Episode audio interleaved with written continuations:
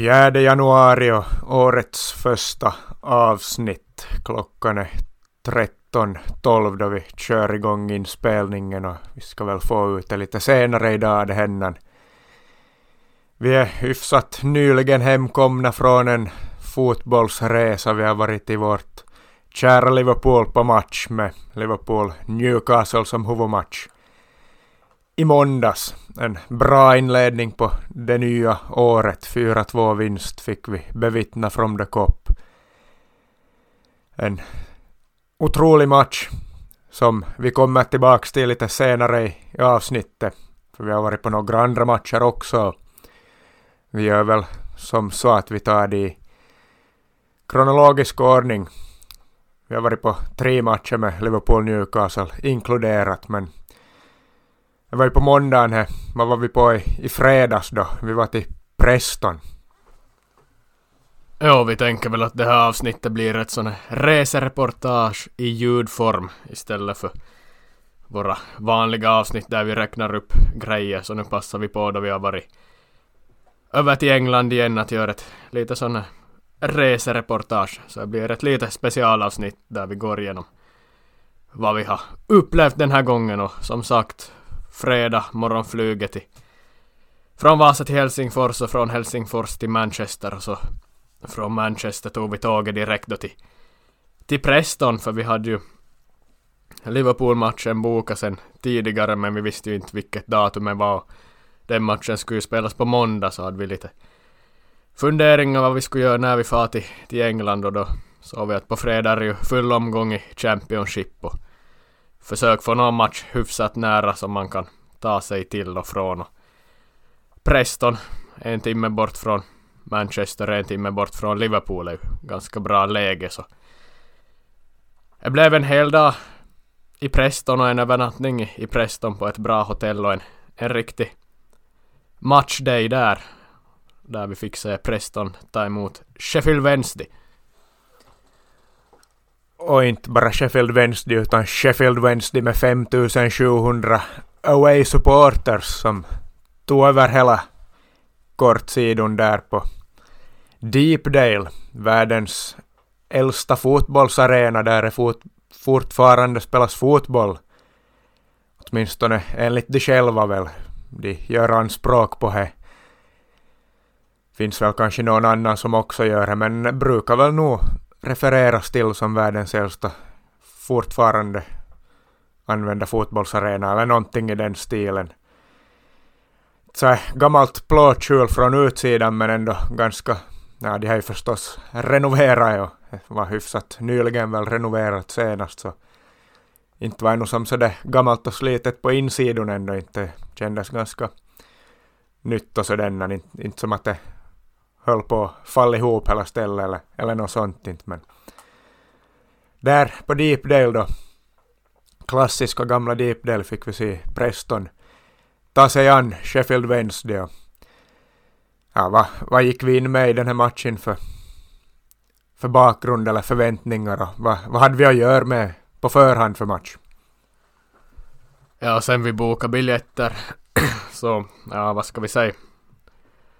Ringt till bil biljettkontoret i Preston, det var lättast att ta ett telefonsamtal till en kvinna där i, i Prestons biljettkontor. Jag gick tydligen inte att beställa på, på nätet de här som man skulle ringa men det löste sig smidigt genom ett samtal. Men sen jag bokade biljetter så har det gått sämre och sämre för Preston. Så man tänkte att ja, det blir inte kanske någon stor grej. Eller lika som det blir inte någon riktig mäktig upplevelse tänkte man att det kan bli ganska deppigt eftersom också motståndarna Sheffield Wednesday har varit jumbo i Championship hela året men de har ju å sin sida vaknat till liv på sistone och börjat klättra lite i tabellen men de var ju ändå näst sist och ja, det hade varit Boxing Day några dagar innan. Man tänkte ja, hur mycket blir det? Blir det alls något nå särskilt många i publiken som kommer hit och ser Presta mot Sheffield Wednesday en fredagkväll men Ack så fel vi hade för det blev ju en, en riktig... Ah, perfekt match det alltså. Slutsålt Deepdale nästan. Men grejen var ju att, ja, bortafansen, Sheffield Wednesday kommer med 5700 man. Näst sist i tabellen. har gått dåligt, problem med ägarna, massa protester och hit och dit.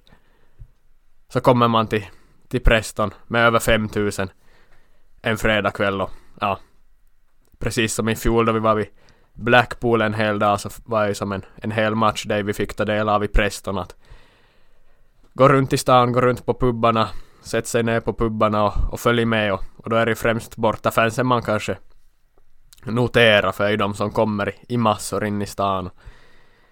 Det är som, ja, vi har väl kanske inte några sympatier åt något håll men det är som att man är på en away day när man rör sig med borta fansen. Och ja, de kom i massor och 5700 man fast det går så dåligt. Det är faktiskt mäktigt att se. Ja men så dåligt går det ju inte för de mer alltså. Det har gått dåligt för de. Och de var sist i tabellen men så har de ju tagit in en ung tysk som tränare, Danny Rodel eller vad han nu hette. Och efter det så har de ju börjat vinna och få bättre resultat så de har ju klättrat upp något hack i tabellen och plötsligt känns inte som en omöjlighet att de ska hållas kvar i tabellen som jag kanske gjorde för bara någon månad sedan eller, eller så.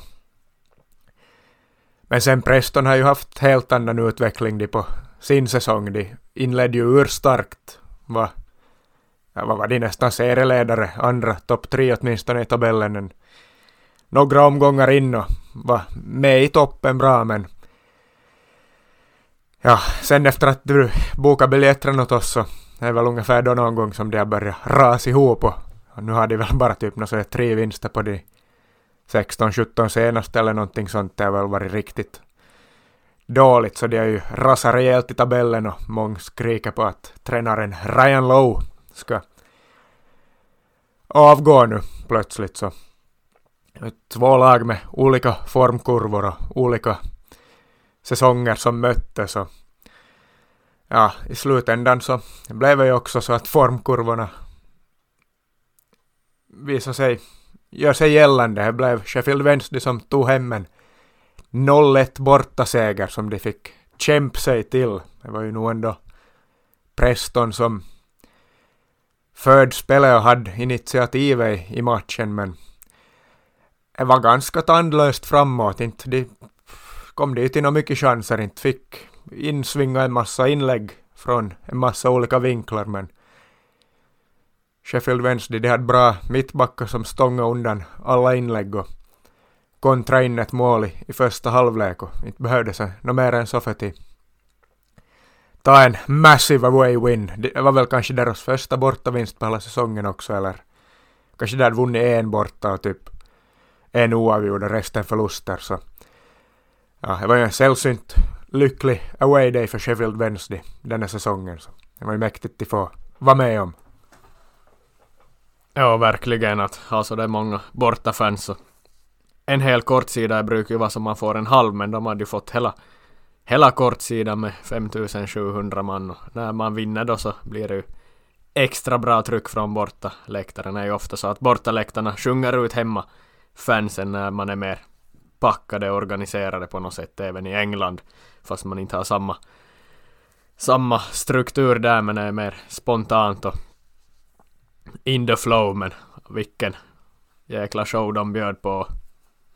Ja, 0-1 ganska så. Ja, det blev ju ganska spännande men Preston fick inte hål på motståndarna men det var ju också lite på grund av domaren Rebecca Welsh som faktiskt tappade matchen måste vi faktiskt var ärliga och säg, eh, Det är eh, kul med kvinnliga domare som får chansen och hon dömde ju första gången i Premier League här för någon vecka sedan men ja, med den där insatsen hon gjorde nu då vi var på plats så ja, det är ju faktiskt ingen bra insats. Nej, det var nog några beslut som var bland det värsta man har sett faktiskt men ja, man behöver ju inte kanske lägga på att hon är kvinna för det är ju inte som så att det är andra manliga domarna i, i England och Premier League och engelska seriesystemet är som något bra de heller utan man eller kvinna de är alla ungefär lika skit. Men det var ju ändå speciellt då. Ja, hon hade någon dag före blivit första kvinnan någonsin att döma i Premier League som huvuddomare så ja, det var ju lite större grej kring det då. Folk hade väl extra mycket ögonen på hon och inledde ju ganska bra matchen och tillät hårt spel och sådär men sen började kom lite märkliga beslut men inte skulle jag nog säga att det bara var Preston som led av det utan det gick ju åt båda hållen de här konstiga besluten nu. Värsta beslutet var ju nog då, vad var det med tio kvar, någonting sånt så Preston har ett anfall och deras spelare blir kapad vid kanten, mittplan ungefär någonstans och ser väl värre ut än vad tacklingen i slutändan var. Skulle ha räckt med gult kort där, men Preston får fördelen då, svingar in ett inlägg och spelet fortgår i tio sekunder eller någonting sånt och slutar med att Sheffield Wednesdays målvakt fångar upp bollen och då, när målvakten har bollen, då blåser hon sen av spelet, går tillbaks, ger rött kort för den där tacklingen av Sheffield Wednesday-spelaren då på en Preston-spelare och jag vet inte ens får man ge rött kort i efterhand när man har gett fördel. Jag är inte helt säker. Åtminstone vet jag att för när man spelar Fifa så blev det ju direkt rött.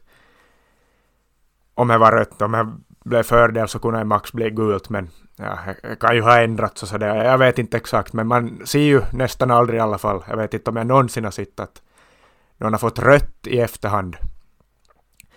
Och nu var ju då ett felaktigt rött kort dessutom. Det var en lite sen tackling men inte som någon farlig tackling. Inte någon dobba för eller så. Så gult skulle ha räckt helt bra men de har ju inte varit Championship heller så kan jag förstå att det såg värre ut än vad det var och kanske därför trodde hon det var dobbarna för eller så så blev det rött men inte nog med det då utan hon har gett fördel, hon har gett ett felaktigt rött. Men hon drar tillbaks då spelet också till att bli frispark trots att hon hade gett fördel och låta spelet gå i tio sekunder någonting sånt och Preston fick ett avslut på mål.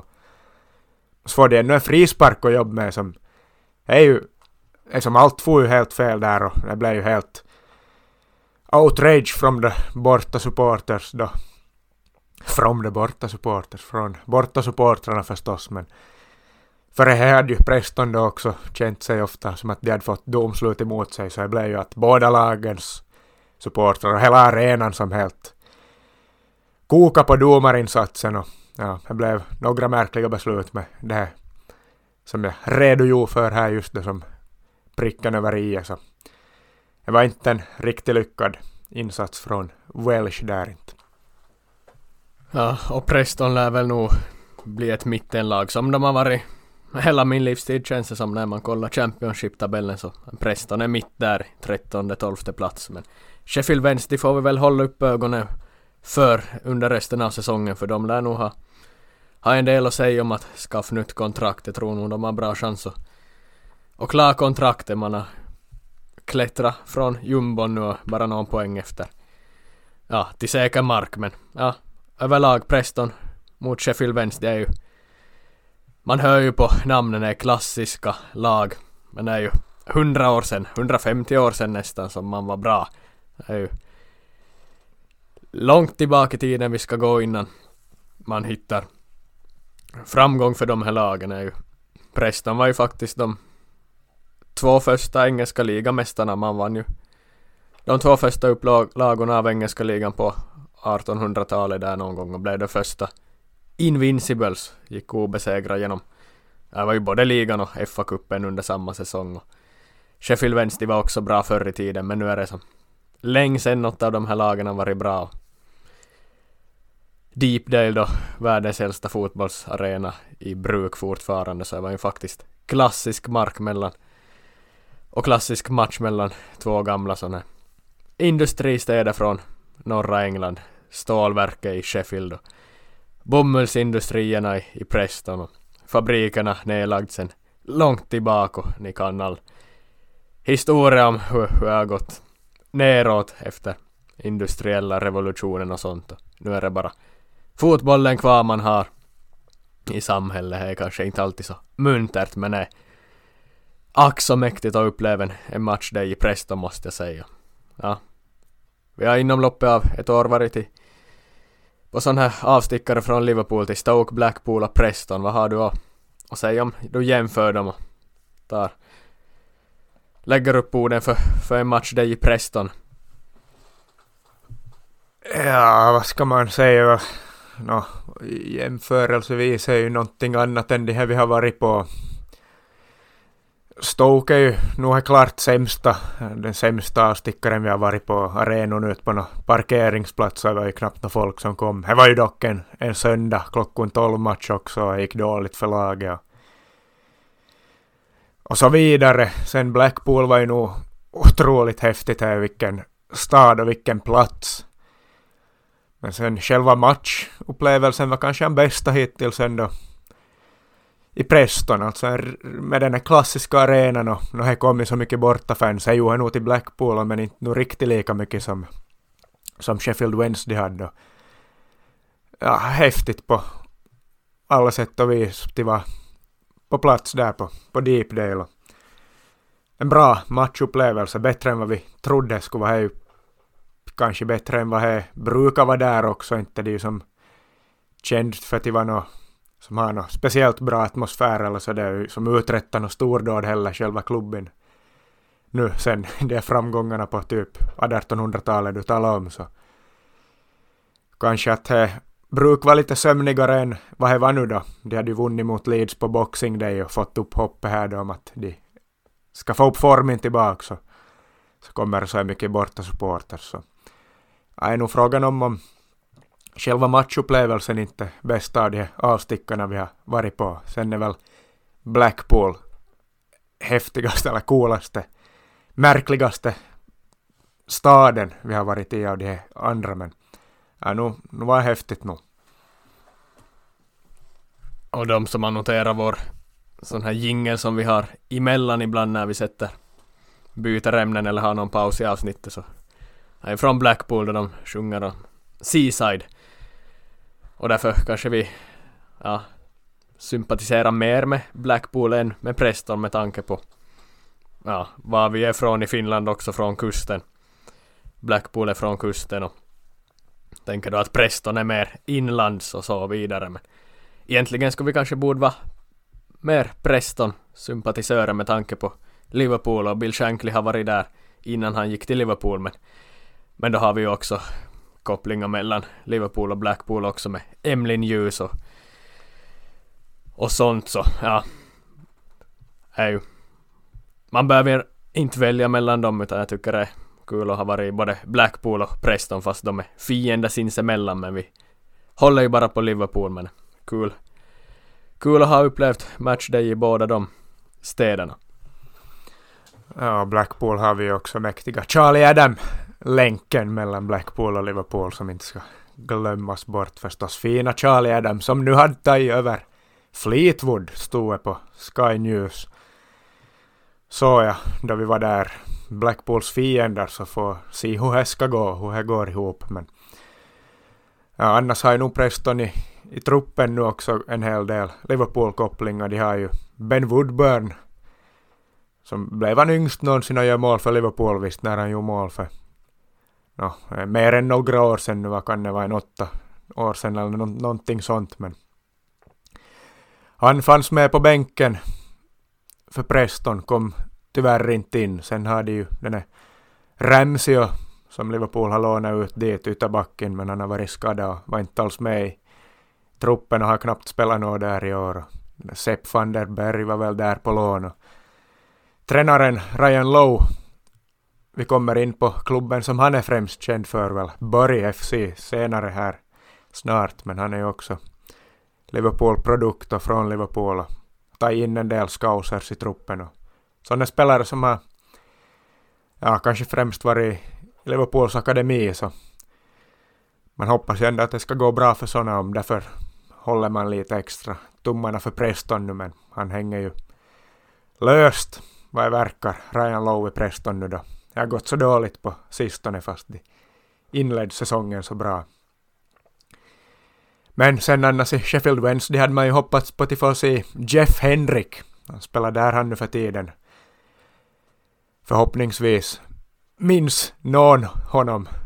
Nej, inte sagt inte, men han briljerar ju riktigt för Irland i EM 2016 på mittfältet och var sån nyttig, dynamisk tvåvägsspelare som sköt i ribbon där och någonting sånt i någon match. Och på något sätt kraftfull och häftig att se på, häftig frisyr och sådär. Ja, jag minns i alla fall att jag fastnade för honom i EM 2016 och blev riktigt imponerad. Nästan som man ville vara han då man själv och spela på mittfältet men sen blev det inte så mycket mer med hans karriär. Han var ju i Burnley och varit nyttig där. Och ja, Newcastle hamnade han väl i och inte fått spel så mycket och mycket skadebekymmer. Och nu har han ju varit en del av landslaget och sådär men inte kommit upp i samma nivåer som den där EM-sommaren 2016 inte. Nu har han hamnat i Sheffield Wednesday i år då, men inte han spelar så mycket inte. En del skadebekymmer och så. Han var väl skadad nu för han var inte alls i, i matchtruppen för Wednesday så det var ju lite synd att man inte fick se en av mina favoriter från EM 2016, Jeff Hendricks. Hoppas någon minns honom och inte bara jag. Ja, men oavsett så eh, överträffar mina förväntningar. Jag hade inte allt för höga förväntningar på stanpresten och sånt. Kanske man egentligen inte borde ha det heller men är allting, alltid häftigt att få på en ny plats och kolla fotboll. Och promenaden till arenan och ja. The Black Horse var ju nog en mäktig pub. Enda puben i Storbritannien med ingång från tre olika gator. Det var faktiskt häftigt att ta en Sätt sig ner på The Station också med bortafansen och ja, insupa atmosfären inför kvällens match. Jo, så var det nog ja. Black Horse hade väl blivit framröstat till en av Storbritanniens bästa pubbar eller någonting sånt också, så det var ju häftigt det var dit och koll läge och ja, det var nog en upplevelse som överträffar förväntningarna faktiskt. Kanske att vi hade tur och fick som att hela matchdagen blev bättre än vad det brukar vara i Preston. Det känns som ganska sömnigt och folk som, är, som inte riktigt intresserade av Preston känns det som.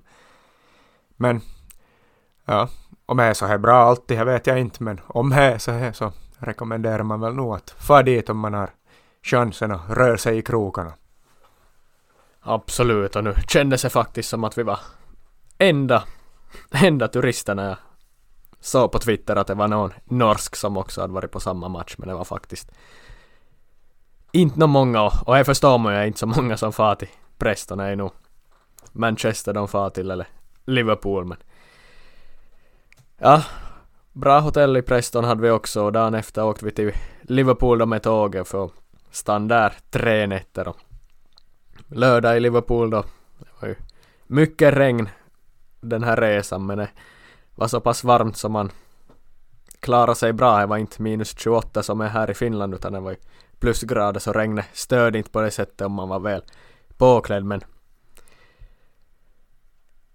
Lördag i Liverpool, vi ska ha haft chans att få till, till Manchester och se på Manchester City mot vad Sheffield United eller någonting sånt men det skiter vi ju såklart i och vi gick istället ner i division 9 och kollade på AFC Liverpool supporter förening, en förening som har startats av Liverpool-supportrar som ja, vill ha ett annat alternativ än att betala dyra pengar för att gå till Anfield och kanske inte har råd att gå varje match, så man har startat en sån här, ja, vad ska vi säga, alternativ förening som man, om man vill kolla på gammal hederlig fotboll för, som man har råd att kolla på, och det var de vi får kolla, som spelar i Crosby strax norr om Liverpools centrum. 20 minuter bort med tunnelbanan, samma plats där finns The Crosby Beach. Även var Jamie Carragher bor och ganska nära var Klopp bor också. Några andra spelare genom åren som har bott där också men AFC Liverpool tog emot Barry Football Club och Barry, Burry, Burry, jag vet inte, alla uttalar dem lite olika men här är ju ett klassiskt lag som kanske största klubben någonsin som har varit nere i så här långt ner i divisionerna för Borg FC har ju faktiskt vunnit FA-cupen två gånger för hundra år sedan och varit uppe i högsta ligan och så sent som för en 25 år sedan var man ju uppe i näst högsta ligan och slutade före Manchester City till exempel. Manchester City åkte ner till tredje divisionen och Barry FC höll sig kvar i, i Championship där någon gång, 98-99 någon gång men sen har ju Barry gått i konkurs här för något fem år sedan typ och måste starta om och inte som andra lag att man startar om i femte divisionen som är bruk ges dispens för, utan man åkt ner ända till tionde divisionen och har klättrat nu till division 9 och jag var division 9 massiva Barry Football Club kom med 700 supportrar till Liverpool för att se AFC Liverpool mot Barry. Ja, och det får väl sägas att vi hade ju tur här också att det var just de som kom på den här nionde divisionsmatchen. Annars brukar det ju inte vara 700 borta supporters på en nionde divisionsmatch utan det är väl kanske som nå publikerna här i Finland på de lägre serierna att inte är det nog riktigt mycket mer inte men det blev väl nå 880 eller någonting sånt i publiken då allt som allt på Marin FCs arena då. Så det blev ja, äntligen så bra som man nu kan begära av en upplevelse i, i nionde divisionen i vilket land som helst. Men en sak fattades ju. Jag förstörde lite hela, hela grejen. Det var ju konstgräs på den här Marines arenan och det Ja, det uppskattar man ju inte riktigt någonstans förstås, men allra minst i, i de engelska lägre serierna. Där ska ju vara en regntung, lerig skitplan. OM som bara var. Br mer brun än, än grön, men här var det alltså konstgräs, så det blev ju lite annorlunda spel då. Annars var ju som arenan riktigt så häftig att vara på. En stor läktare på kortsidan, sen på andra kortsidan någon sån där bänkrad, typ som när vi Botniahallen eller någonting sånt där ute. Sen längs ena långsidan så, vad var det du beskrev som någon sån här minkfarmsbyggnad, sån där lång, lågt, gång, avlång, med någon sån där liknande minkfarmstak. Som man nu stod under där, det som var på långsidan så, ja, lite speciell plats att kolla på fotboll. Vi lägger väl upp nu på vår Instagram, Fotbollsbröderna heter vi där. Så följ oss och kolla in så lägger vi upp lite bilder från den här arenan där så får ni se ungefär hur det såg ut. Men där var vi och kollade på fotboll, engelska nionde divisionen. Jätten Bury som började om mot supporterklubben AFC Liverpool. Och inte vet jag nu, spelet var ju nionde divisionen i England förutom att det var på konstgräs men ja. Borg var ju klart bättre laget, ledde väl serien och AFC Liverpool kämpar i botten så matchbilden blev ju därav då men spelarna i, i början var väl kanske lite så ovana med att spela på konstgräs så det var kanske inte alltid att de fattade att de har mer tid än man har på de här dåliga planerna där bollen studsar. All världens vis när man tar sin första touch, men här stannar i bollen i foten då faktiskt och pompa inte så de behöver som inte skjuta iväg den bara på första touchen. Eller de skulle inte behöva göra men de fattar ju kanske inte utan de dorvar nog iväg ibland lite onödigt hastigt och sådär men ja. Det blev ju inte det här duellspelet man skulle vilja se i en engelska nionde divisionen match och det är ju helt på grund av konstgräset men Borg kontrollerar nu ändå hemmatchen till en säker 2-0 seger och AFC stod lågt och försöka minimera skadorna och hålla ner siffrorna. Men ja. 2-0 seger, inte var något snack om vem som förtjänade att vinna. Det blev gamla klassiska jätten Borg. Men ösregnet bidrog i alla fall till att man fick en, en bra känsla av lågdivisions engelsk match, men division 9 England. Vad skulle du jämföra med om du tar med finska seriesystemet? I vilken nivå, om du ska vara ärlig, var den här matchen jämförelsevis?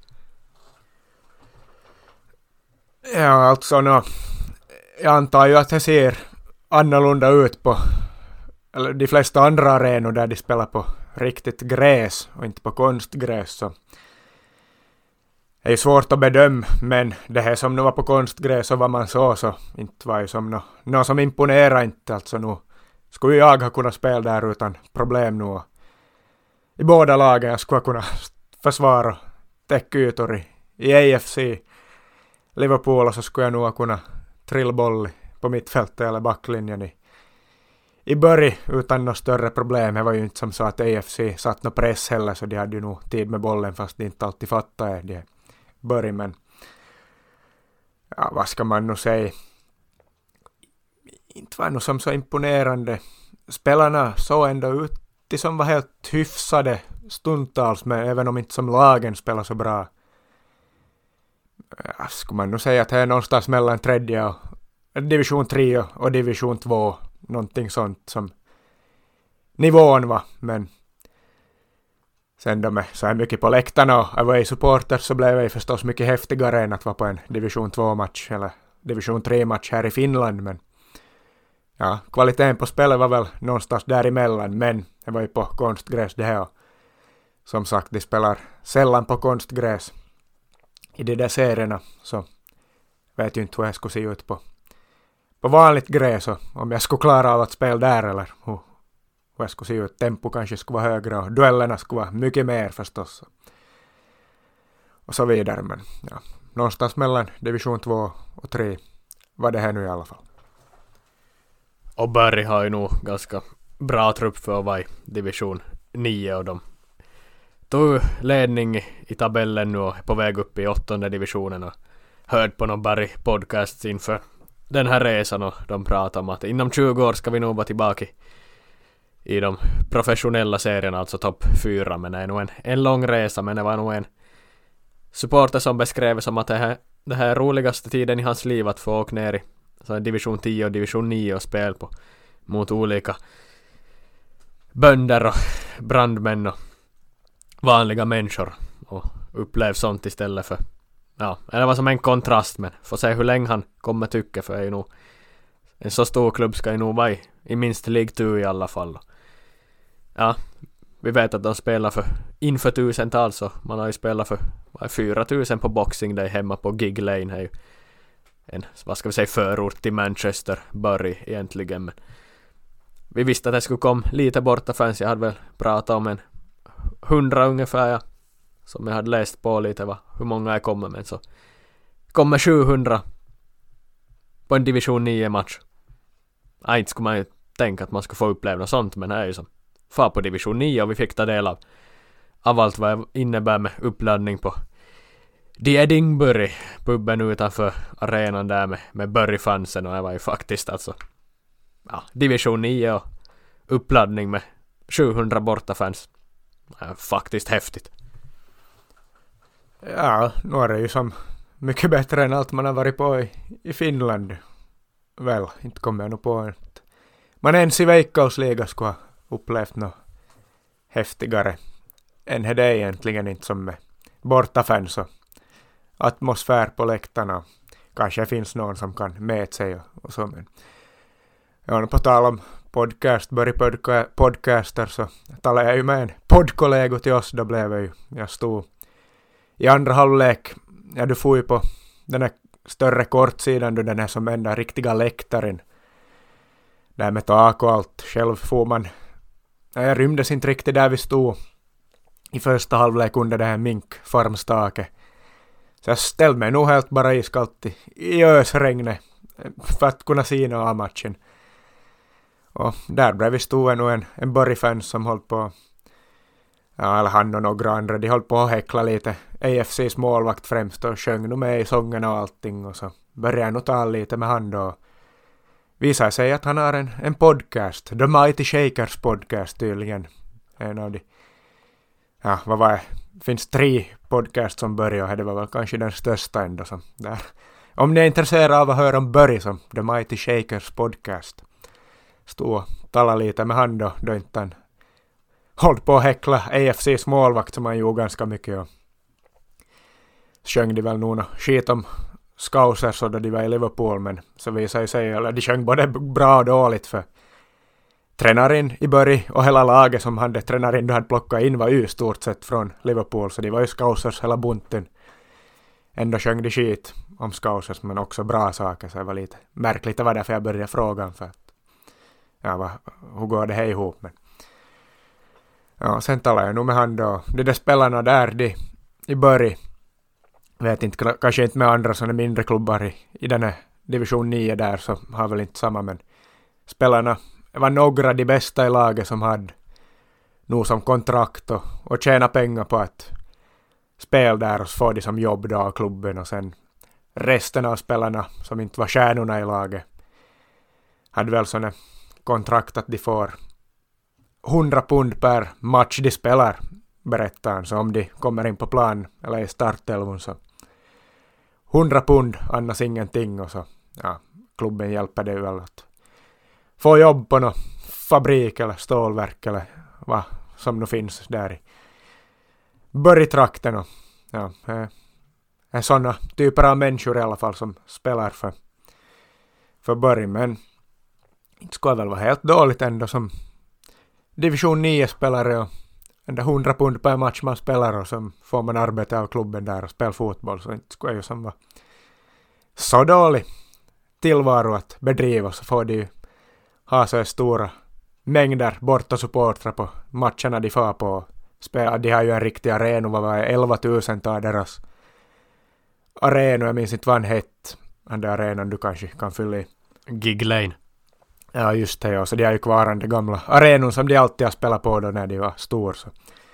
Inte skulle det vara helt dåligt att spela i division 9 för Börjint och försöka ta sig up the football leagues som de har som mål och som de sjöng fint om de fansen.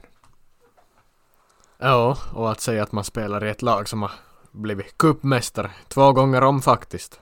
1900 och 1902 tror jag det var, men ja, det var väl den matchdagen det och det var ju lördag, sen söndag, lördag kväll och söndag, sen var ju ingen match utan det var ju på måndag sen som Liverpool Newcastle så resten av lördagen och sen hela nyårsafton söndagen så tillbringar vi väl mest tid på, på en massa pubbar i Liverpool.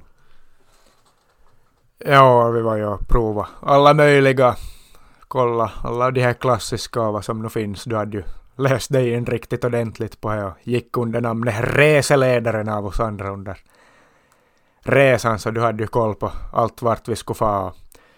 Har man väl någon favorit från förr också, där vi har varit där som vi var besökt, men nu är det alltid mäktigt i vara koll hur är och ta sig en öl på de gamla klassiska pubban. Ja, för det finns ju som ja, man har ju varit många gånger i Liverpool och tänker att man har varit på, på den och den och den och den puben och men så det finns ju som hundratals och det finns ju en massa man inte har varit på fast man tänker att man har varit på många men men som varje gång får man checka av nya och det finns som gömda fina gamla hederliga ställen som man inte har som man har bara gått förbi och tänkt ja, där kanske inte finns någon men så går man in på en bakgata och så är det en klassisk pub där och det var ju... några riktigt häftiga nya vi fick checka av men vi började väl nog checka av en ja, uppemot 20-30 klassiska Liverpool-pubbar i, i det här laget. Ja, det börjar väl vara så men alltid hittar man något nytt spännande och det var ju inte den här gången men gången innan i februari då vi var där så gick vi bara in på någon, någon sån gränd bara och såg vad det var och så det var väl någon sån här HBTQ-gränd den här lilla trånga gränden hängde en massa regnbågsflaggor och sådana och vi kollade nu att det finns sådana här också. Hade en pub där så tänkte vi att vi måste gå in och se vad det är. är. The Posthouse hette och så alltså. gick vi in där, inte hade vi väl hört om den här puben förr inte. Beställde nog en öl där, vi hade väl inte något bättre att göra, skulle fördriva lite timmar och så att du googlar kanske att har varit några kända folk på den här puben förr eller någonting sånt. Eller fråga, när du kanske googlar här och så visar sig då att ja, att nu har jag varit alla möjliga Jack the Ripper och Bob Dylan och, och till och med Adolf Hitler hade varit där. Det var tydligen hans favoritpub när han enligt legenden bodde i Liverpool i några månader när han hade flytt från österrikiska armén och bodde hos sin halvbror som bodde i Liverpool och jobbade i Liverpool. Så Hitler hade inget jobb då, höll sig gömd i Liverpool. Drev mest dagarna på olika pubbar och hans favorit lär ska ha varit den här Posthouse som vi var på. där satt han i, i tystnad och, och drack. Och det var ju lite speciellt att vi kommer bara in på en pub i numera ett HBTQ-kvarter eller en HBTQ-gränd som också var en så gay-pub då också. Så. Ja, det är nog galet hur historien har gått och hur jag bara råkade sig men han skulle väl knappast ha eller vara så nöjd över att hans före detta favoritpub nu är en, en gaybar men så kan det gå också. Vi hade väl en trevligt där nu i alla fall. Ja, om det är sant eller inte vet vi inte men i alla fall enligt legenden så satt han där och han var en, en vad ska jag säga, tyst och otrevlig typ som bara satt i ett hörn för sig själv och drack enligt, enligt skrönan, om det är sant eller inte men hon i kassan, eller som jobbar i baren där i puben så hon menar nog att det är sant och de till och med hade några no, gamla bilder från svartvita tiden men ja Favoritpubbar i Liverpool topp tre så här rakt av? Jag har ju nog en favorit och det är ju Pogue Mahomes, en sån här irländsk pub där det blir ett bra tryck och det är bra musikanter som brukar spela där och såna gubbar som är ganska häftiga så var det nog vi var ju där det blev ny, eller på nyåret firade nyåret där så det var nog ett bra svung i hela Pogma Homes. och några andra som spelade där också, någon Molly någonting som hade ja, vad de nu hade för instrument, jag vet inte vad det heter, något sånt violinaktigt som de var duktiga med, men det är nog klar favorit, är Pogma Holmes, men ja, vad, vad skulle vi kunna ha som andra favoriten också som vi var på nyår, The Vines, en sån här stor gammal klassisk och ja, vad ska vi dra in med? Trean är kanske Jack Rack eller Peter Kavanagh, såna riktigt gamla och slitna där. En av de här no, pottor i taket och han det andra är bara helt sliten och, gammal men charmig på alla sätt och vis. Så där är väl topp tre som om någon är Liverpool kan de det kan vara värt ett besök för alla som är i Liverpool. Har du något topp tre? De flesta vet ju nu inte vad vi talar om överhuvudtaget inte men du måste ju beskriva kanske vad, vad är för ställen om du vill räkna upp dina tre. Nej, no, jag har ju faktiskt inte topp tre för, är för, för svårt att välja topp tre för jag finns som jag ska måste göra en topp 10 för att jag ska få rum med alla men nej. Grejen är att man ska få till gamla klassiska som har funnits sen 17 eller 1800-talet. Jaholin Jevol är ju till exempel en av världens äldsta pubbar till och med. Är Englands äldsta pub, i alla fall Liverpools äldsta men just sådana här gamla klassiska med lädersoffor och fåtöljer och The Vines var ju faktiskt häftig med allt. Stor salong med massa uppstoppad djur i taket och så. Gå in, det finns inte på det sättet sånt i, i Finland sådana 100-200 år gamla pubbar det är som är häftigt att få in i sådana ställen här ju. Jag skulle måste göra en topp 10-lista här faktiskt. Shenanigans och Roscoe Head är ju också bra och The Globe och... Ja, det finns så många men... Ja, det finns ju både mäktiga gamla klassiska pubbar så finns det ju en massa sådana nattklubbar också om man vill ha ännu mer liv där runt Konsertskvär Square och Rob Folk så finns ju också Cavern Kvarter om man vill få in på gamla Beatles hak och sånt men det finns nog det finns nog ett och annat. Ja, det finns det så. Är ni nu på väg till Liverpool i något skede så nu lär sig till kollin alla möjliga som här nu och kanske läs på på förhand vilka som är häftigast att fara till och söka upp de då och fara dit. Men sades väl förr att eh, Liverpool var en stad med a pub in every corner men det är väl inte riktigt såna mer fast det nog finns många fortfarande, jättemånga men förr fanns det ännu mer tyvärr. Det är ju några måste stänga men finns nog guldklimpar kvar där. Dr. Duncan ska vi inte glömma nämna heller. Nej, men vi skulle kunna hålla på och rabbla upp de pubban och namnen. Jag säger väl inte så mycket för någon som aldrig har varit där så vi ska väl inte fortsätta hålla på med hej, i all oändlighet inte. Det är väl nog bara om man har planer dit eller på att fara dit eller har varit där som man kan ja, få något nytta av att höra på oss som babblar på om de hännan men ska vi söka oss mot Anfield då istället som vi gjorde i måndags i ösregn och rejäl stormvind. Och Liverpool tog sig an Saudi Newcastle. Ja, då hamnar vi ju igen in på pubbarna men ja, eh, inför matchuppladdning på The Park och Taggis var vi den här gången till, eller Taggis bruk vi vara till också. Men The Park är ganska trångt men vi lyckades komma in den här gången dit i alla fall och få sjunga upp inför match men det var ju ja, ett Liverpool som har hittat hyfsad form på sistone som tog emot ett Newcastle som å andra sidan har gått desto sämre.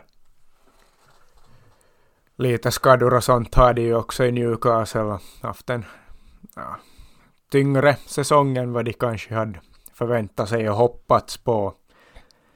Liverpool har ju förstås nu också sina skador här, men några börjar vara tillbaka så ja, platser på The Cop hade vi. Vad mer kan man önska sig? Ganska högt upp där till vänster.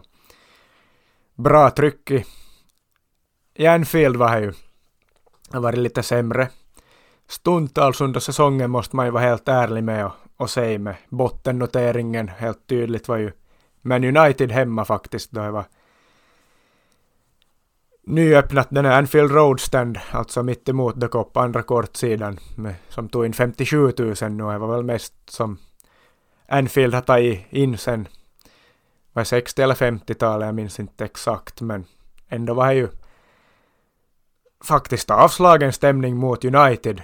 Bra första 20 och sen bara som du är av och man, man fattar ju inte nå när man kollar matchen på TV att vad kan det som var så här att jag kände inte alls igen det. Man liksom ju som förväntat sig att det kommer vara bättre än vanligt då när det var mer folk än vanligt. Men det var nog faktiskt överraskande dåligt och spelarna spelar ju inte något bra den matchen heller. Att vi spelar 0-0 mot det här United. Det är nog nu så här alltså är ju uselt resultat faktiskt. Men sen blev det ju lite bättre den atmosfären mot Arsenal. Och nu var det som bra då också mot eller var klart bättre mot Arsenal och nu var jag igen bra på nyårsdagen här då mot Newcastle och det blev ju en riktigt bra match vi fick uppleva också, spännande match. 4-2 vinst för Liverpool.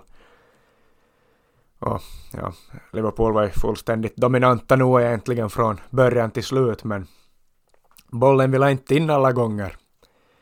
Skapade väl, vad var det, 8, 73 eller någonting sånt, 8,80 eller någonting sånt i XG. Expected goals, det var högsta noteringen ett lag någonsin har haft i en Premier League-match sen de har börjat med ett. Så ja, det var chanser mest hela tiden men med Darwin Nunez på topp så är det ju tyvärr inte alltid en garanti på att det är mål när man har högt XG. Eller det var väl inte 8,80 utan 7,83 men högst någonsin i en Premier League-match. Sen de började med ett XG i alla fall så vi borde nästan ha gjort åtta mål i den där matchen med normalt utfall men ja, Nunez hade väl de flesta av de chanserna och inte fick han ju in den där bollen. Ibland otur, ibland dåliga avslut som det kan vara med honom. Kan vara frustrerande som bara var emellanåt, men han kommer ju till lägen och sist och slutligen så löste det sig också med en 4-2 vinst fast Salah missade en straff också i första halvlek och Trent missade returen där helt. Ofattbart att han drog ett sådär dåligt avslut där men ja. 4-2 vinst, inte ska man klaga på någonting, inte blev en spännande match ända till slutet och hände ju som alla som kollar matchen och har följt med så vet att det händer ju en massa i den här matchen. Ja, jag var attack, attack, attack och attackfotboll hela matchen igenom. Och jag beskrivs ju som en av de bästa offensiva insatser som man har sett faktiskt. Men väl på plats så är man ju bara frustrerad när inte bollen går i mål. Men så här, av de som man kollar på TV så eller så här, objektivt så beskriver det som en total överkörning. Och nu var det ju så men man väntar ju bara på, på målet och 0-0 i paus tänkte man att ja, blir det någonting och sen blir det 1-0 men kvitterar Newcastle då tänkte man att ja, det straffar sig då vi inte får in bollen men sen så rann det nog iväg till slut med 4-2 seger och tillbaks till atmosfären också är ju alltid lättare i medgången blir, eh, ska vi vara ja, klara med att det är lättare att få bra tryck i, i medgång. Och, men kvällsmatch är ju också en stor faktor om vi jämför med eftermiddagsmatcher och under the lights på Anfield. Då blir det ofta betydligt bättre. Och nu fick vi ta del av det från The Cop också så det var faktiskt speciell upplevelse. Vi har ju tidigare bara fått biljetter på, på långsidan är ju svårt att få ja, få biljetter till The Cop och egentligen ska väl inte så många turister vara där tycker vi väl men vi sjunger ju å andra sidan vi till skillnad från många som kommer dit bara och ta sina selfien men alla som håller på Liverpool ska ju fara och sjunga tycker vi ju i alla fall om man är på, på matchen. Annars kan man ju sitta på se på TV men ja. Mäktig vinst.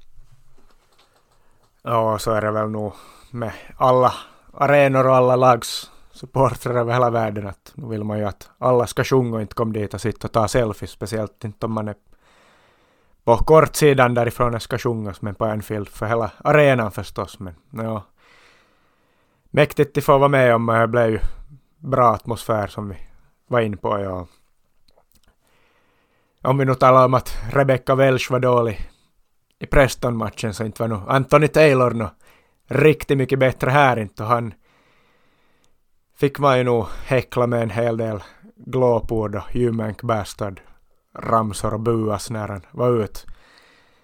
Eller gick ut från plan och så vidare. Han var ju nog som bedrövlig. Jag förstår inte. Alltså han gav två straffar till Liverpool. Ena har ju blivit diskutabel men väl på plats så kändes det som att varje domslut får ju åt Newcastles håll. Varenda liten frispark och varenda fördel. Och allt sånt gick ju som att Newcastles håll. Jag förstår inte. Det är som Taylor eller Tierney som dömer varje Liverpool-match känns som, är som de två som är de värsta av alla. Förstår som inte Kavana får döma någon gång men ja, det finns säkert en massa domare i Premier League man inte ens knappt vet om att det finns för att de av någon anledning dömer aldrig Liverpool och Liverpool får alltid de här rövhålen till domare så ja, nu var man ju förbannad på han nu, på Taylor, fast han nu gav två straffar ändå som var omdiskutabla. Men så det överlag så katastrofinsats av han också. Det var ju som att spela mot 12 man och skulle haft Joel Linton i Newcastle utvisad tidigt i andra halvlek för ett andra gula men det var ju helt, ja, det var faktiskt Folk som inte håller på Liverpool tycker att vi sitter och gnäller nu men det var ju faktiskt helt sjukt och he, ja, han och he, många har ju nog sett på matchen och förstår att det var sjukt hur, hur dålig han är och han har ju varit dålig länge men alltså överlag dålig domare i Premier League, dålig domare, domare i Championship fick vi se men i division 9 det var där den bästa domaren var på den här resan. Ja, inte något att anmärka på i division 9-matchen på domaren inte, utan där skötte han sig. Och eh, lyckades de inte med på Premier League och Championship-nivå. Och vem är nu förvånad? Folk kanske tycker att ja, vi har Liverpool-glasögonen på här när vi tycker att eh, Liverpool får domslut mot sig och alla klubbar tycker väl så. Nu och då men jag tror ju nog att alla är överens om att de är Premier League-domarna, att det finns inte ett gott ord att säga om det här. Står väl klart för alla nu. Den här Jotas straffsituationen har ju blivit ändå omdiskuterad.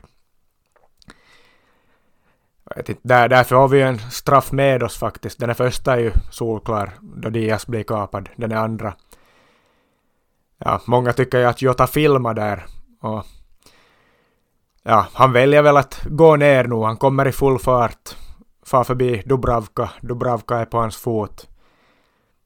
Han hamnar ju ur balans. Men ja, varför skulle han film bara för att få en straff när han kan lägga in bollen i fritt mål? Om han inte skulle påverkas och störas så mycket av den där touchen han får på foten. För kommer man i så det hård fart så nu störs man nu, blir man ur balans av ganska liten beröring. Och finns ju bilder där ganska tydligt visar att det är nog ganska redigt så man är på foten där så ja, säkert skulle han kunna välja att hålla sig på benen men då skulle han ha varit så ur balans att han skulle som kanske sjabbla bort det fria målet som han hade ändå. Ja, man vet inte vad som skulle ha hänt och så. Då är det ju nog som så att 100 av 100 fotbollsspelare, nio av tio åtminstone, skulle välja att gå ner och, och ta en straff i det läget så nu, ja, det är ju ändå en ganska solklar kontakt där och så vidare så nu, ja, nu, jag skulle ha gjort detsamma i alla fall och straff skulle jag ha velat ha. Eh, kan jag säga. Inte skulle jag nog ha, tror jag, sagt så mycket om vi skulle ha fått den där straffen mot oss heller inte. Klart det är ju alltid svårt när man inte kan vara objektiv när det gäller ens egna lag inte men ja, nu, nu ska jag väl vara straff i det läget ändå. Men ja, fantastisk offensiv insats och få förunnat att vara på plats i den här matchen. Det skulle kunna bli någon söndagsmatch mot Wolverhampton klockan två men kvällsmatch mot Newcastle det var faktiskt annat man kan ha tur och otur gällande Anfield-atmosfären. Men vi fick faktiskt, precis som i derby i fjol, en kvällsmatch och det tackar vi för. Så här spelarna då, vad är någon som du tycker stack ut som inte man ser i, i TVn och sånt va? Hur de gör bra, vem, vem var bäst på plan? Joe Gomez gjorde en, en bra match men jag har vi ju sett att han har hittat formen här när han har vikarierat på ytterba, vänsterback här senaste veckorna men vad är någon annan än han som stack ut? Ja, Gomes, bra förstås, ja. Men den jag nog sa direkt när vi diskuterade där efter matchen, man of the match, så var ju nog Jones som... Ja, vi, vi kollade matchen igår på TV i efterhand för att se hur det såg ut då, vem som såg bra ut och så vidare på TV. Och ja, nu, nu såg man ju att han var bra där, men ännu bättre syntes det ju på... Från där vi stod med överblick över hela planen och, och som man har på... När man är på plats så är det jobbet han gör i båda riktningarna. Delaktig i målen, både defensivt när han är och vinner boll och försvarar i egen box. Och tar sig in i boxen och gör det 2-1 målet. Och briljant med bollen hela tiden, rätt beslut. Och, och så, han har ju haft problem att han ibland håller han i bollen lite för länge och tar lite för riskabla beslut när det inte ska tas och kanske när han skulle borde ta risker så tar han inte risker på offensiv tredjedel men här i måndag så, no, det senaste. Ja, no, sen han började spela i våras så han har ju varit briljant stort sett hela tiden och det här var nog som säkert hans bästa match hittills i, kanske, ja, jag skulle säga att det var hans bästa match hittills i, i Liverpool-tröjan. Ja, jag har ju alltid hoppats mycket på, på Jones, jag vet ju att det finns ju talangen där och jag gillar hans lite så här kaxiga scouts-attityd just för att han är en, en scouse också så vill man ju att han ska ja, man vill ju ha sådana i laget. Så många som möjligt med Trent också förstås. Så gillar man ju det extra mycket men Jones imponerar nog mycket på mig och sen en annan på mittfältet som jag nu har varit osäker kring ändå. Jag är ju inte alls riktigt lita på honom även om jag gillar värvningen så uh, som sitt lite skakig och feltajmad ut ibland men här var han ju nog riktigt, riktigt bra. Bröt alla anfall som Newcastle kom med nästan, bröt de där kontringarna och spelade runt bollen, fördelade den klokt och bra. Hade väl en kanske sådär dålig passning där. Skulle kunna vara bättre men han blir ju bättre och bättre för varje match han spelar känns det ju ändå som så. Där blev jag också imponerad. Det var väl också hans bästa match i Liverpool-tröjan hittills nu. Han tog ju nog såklart det gula kortet som han tar i varje match han spelar känns det som. Vet inte, han spelar en match utan att bli avstängd, eller utan att ta gult kort ännu. Det måste han ju ha gjort för han har väl inte varit avstängd ännu i Premier League. Men det känns som att han tar gult varje match och ofta som att han är på gränsen till att ta ett andra också. Därför brukar han kunna bli utbytt som han blev här mot McAllister som kom in då på hans position och skickade iväg Jota på den där eller till den där straffsituationen med en otrolig boll faktiskt. Och sen förstås, ja, kanske du kan ta här emellan och säga något så inte jag bara babblar, men Salah, vad ska vi säga om honom? En missad straff, men sen två mål, en assist och en hockeyassist. Direkt inblandad i alla målen briljant på det sättet men ja, jag, jag blir ju inte riktigt någonsin klok på, på Salah. Jag vet, ska, kanske du får säga först vad, vad tyckte du om Salahs match här? Nej, nej, jag byter ju inte bort han mot vem som helst i världen jag så. Det är nog briljant. Darwin Nunes däremot behöver nog steppa upp om han... Det börjar vara nu eller aldrig för jag nog... Ja, han missar en ladugårdsväg från två meter snart alltså, att är så dåligt som han spelar nu men... Jo, i mål mot Burnley på äh, Boxing Day men han behöver steppa upp. Sala drar ju tyvärr bort i Afrikanska Mästerskapen nu men jag förstår ju vad du är ute efter men jag så länge han gör så här mycket poäng så spelar det inte någon roll att han ibland missar och tappar boll.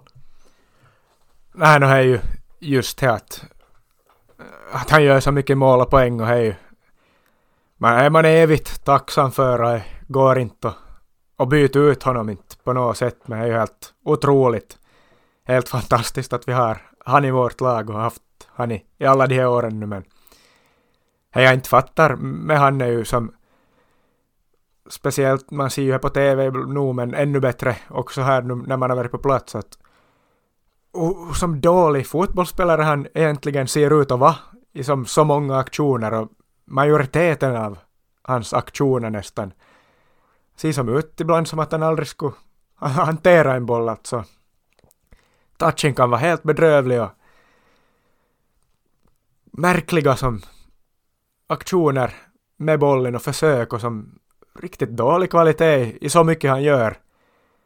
Men att man som kan se så det är dålig ut och ändå gör de där målen och så det är många mål och går som från att vara så där dålig under stora delar av matchen till att göra de här målen han gör och ha de stunderna han har av briljans när det bara mitt i allt stämmer allt och mitt i allt blir han som en helt annan spelare än vad han är i stora delar av matchen så det annars så. Jag, jag blir inte riktigt klok på honom för jag satt ju som man var förbannad på honom No hela första halvlek förstås, han missade ju den där straffen. Men så med bollen tappar ju han så ofta och dåliga försök och dåliga beslut och dåliga toucher och snubbla på bollen och ser som klantig och klumpig ut och att han ändå kan göra de där sakerna han gör, det skulle som inte borde vara möjligt men på något vis är det ju möjligt för honom så jag klagar ju förstås inte. Jag vill aldrig någonsin att vi, vi säljer honom och hans mål inte, utan det är ju som helt bara att jag inte förstår mig på hur det, hur det kan vara möjligt. Och finns ju de Gusten Dahlin har väl hela tiden sagt till Tutte Balutto i alla år vidhåller här att Salah han är inte egentligen en bra avslutare. Och, ja, ibland är han ju en bra avslutare men jag förstår ju ändå vad Dahlin är ute efter där att ibland är ju avsluten helt kassa och besluten framför mål kan ju vara helt dåliga men ja, att han ändå kan göra så det mycket mål och poäng är helt otroligt och de där assisterna han gör och framspelningen till, till Jota som spelar fram Jones där också är ju som ska inte gå och slå den där passningen, det finns ingen ut och inga utrymmen man ska slå den där på, det ska vara som så perfekt hårdhet och riktning och allt för att få det att lyckas. Och han får det att lyckas men ja. Han är nog som fortfarande så här sju år in i Liverpool, eller var det fem, sex, många år har han varit, sen 17 jag är helt tappad. Det är väl sju år han har varit hos oss då eller någonting sånt som. För mig han är ännu ett mysterium hur han kan vara så bra fast han är egentligen inte en så bra fotbollsspelare tycker jag. Mohammed Salah A gift from Allah, he came from Roma to Liverpool, he's always scoring, it's almost boring, so please don't take Mohammed away. Äh, han, han är nog bra han. Ta, alltså jag, tyck, jag förstår vad du säger men det är nog massa alltså nedtagningar och håll i boll, vänd upp och, och som trockla sig ur, trånga ut och där är han faktiskt bra och ja. Vad ska vi säga annat? Alexander Arnold hade ju millimeter på fel sida när han skulle kunna göra ett av säsongens mål där han drog från ingen vinkel på halvvolley ribba stolpe var tog bollen men det skulle kunna bli häftigt men ja, det räckte ju med fyra mål mot ett Newcastle som trots bra spelare ändå ja, de var väl chanslösa. Så gott som ja, fast det är nog två mål. De hade ju ett bortdömt i första halvlek det också för en ganska hårfin offside. Båda lagen hade ju i första halvlek varsitt bortdömt mål också. Så. Fast det var 0-0 i paus så hade det ju nog hänt grejer då också. Men Lite mer hade man ju nog förväntat sig av Newcastle fast de har en del skador. gått sämre på sistone men ja, de spelade ändå Champions League i höst och var med till sista sekunden där ungefär i, i gruppspelet att ta sig vidare men ja, inte har man ju mycket till övers för Newcastle no mer när det är Saudi-klubb så det var ju extra skönt att, att slå det och det var väl nog målvakten Dubravka som var den som imponerade i, i Newcastle med sina räddningar. Han måste ju ha varit nära någon slags rekord över mest räddade skott eller inte vet jag, räddade XG på en match eller någonting sånt. Så det var väl han som var den som stod ut i, i Newcastle. Sen Alexander Isak gjorde ju mål där också som han inte klarar av att göra i landslaget inte, men här klarar han att göra rätt mål. Det var ju nog lite onödigt att vi släppte in det målet, men ja, vi gjorde ju fyra framåt som sagt, så vad gör det att vi släppte in två då vi plockade tre massiva poäng. Och traditionsenligt fick vi ju se borta supportrarna i, i bara överkroppen där som ska visa sina tunnor. Det är någonting med Jordis och Newcastle-fansen att man får oavsett väder och klär man av sig på bortaläktaren och visar upp fläsket är faktiskt en kul grej man måste man ge dem ändå.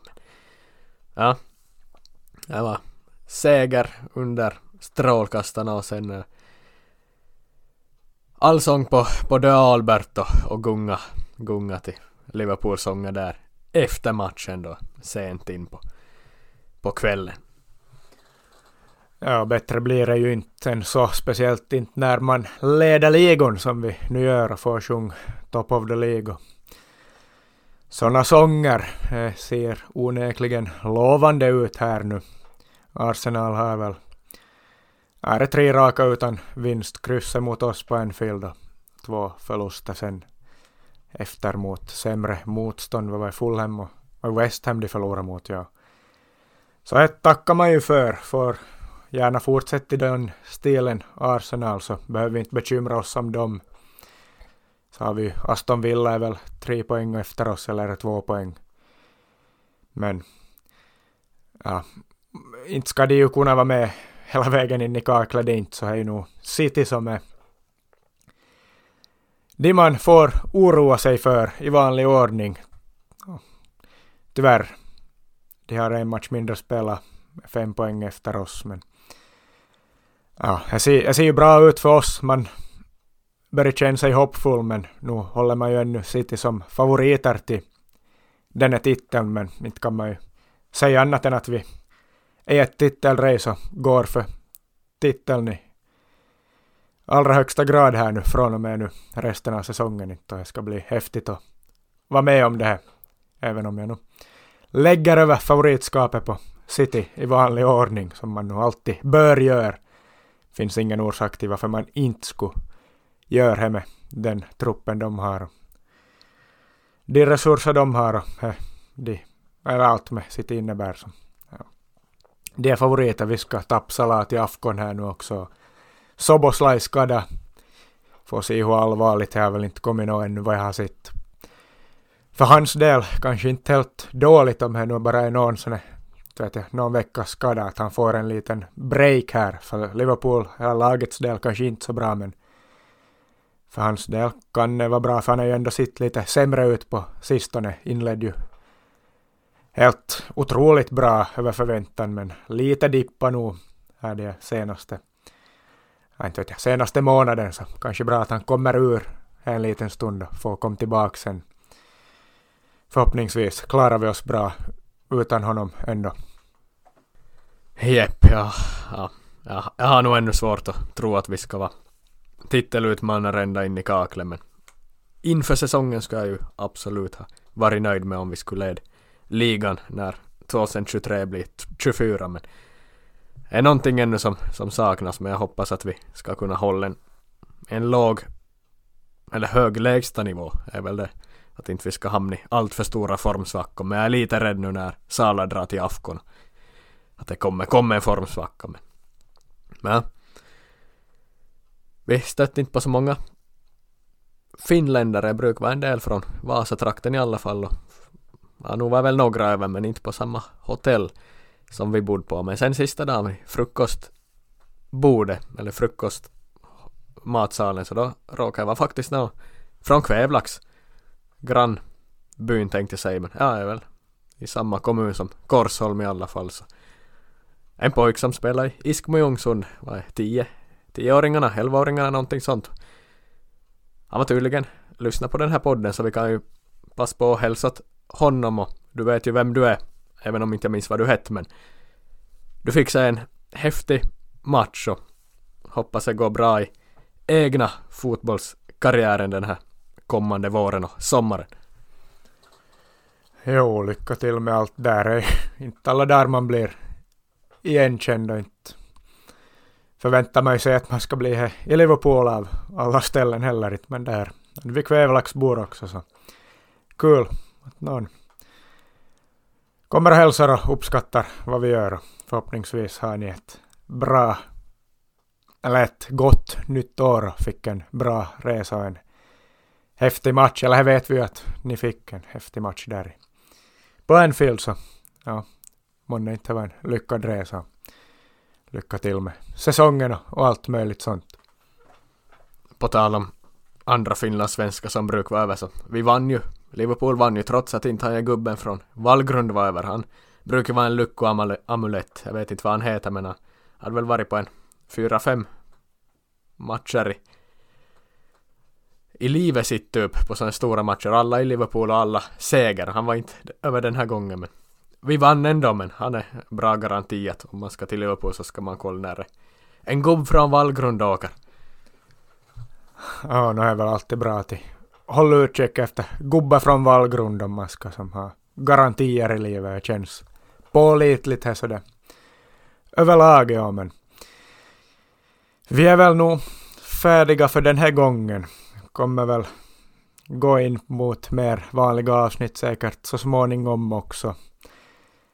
Ja, de vi känner för kanske nästa vecka redan då, eller hur det nu blir. Vi får se lite med allt och det nya året, vad det för med sig. Nu har ju hänt grejer i Finland också, kanske nu inte så mycket men Helsingfors IFK meddelar idag att de lägger ner och går i konkurs mer eller mindre. Så det är ju en tråkig nyhet. Det har varit alla som var som är på väg mot finsk fotboll. Ja, inte vet jag, allt möjligt. HIKs, den nya spanska tränaren det var något problem med hans licenser nu också. Han får inte gå den Uefa Pro-utbildningen. Som krävs för att vara tränare i Veikkausliga och det blir problem där men vi får väl nog gå in på allt möjligt sån en annan gång. Vi har mallat på tillräckligt länge här och nu så. Vi stänger ner årets första avsnitt med det. Önskar er alla gott nytt år och så säger vi tack och hej.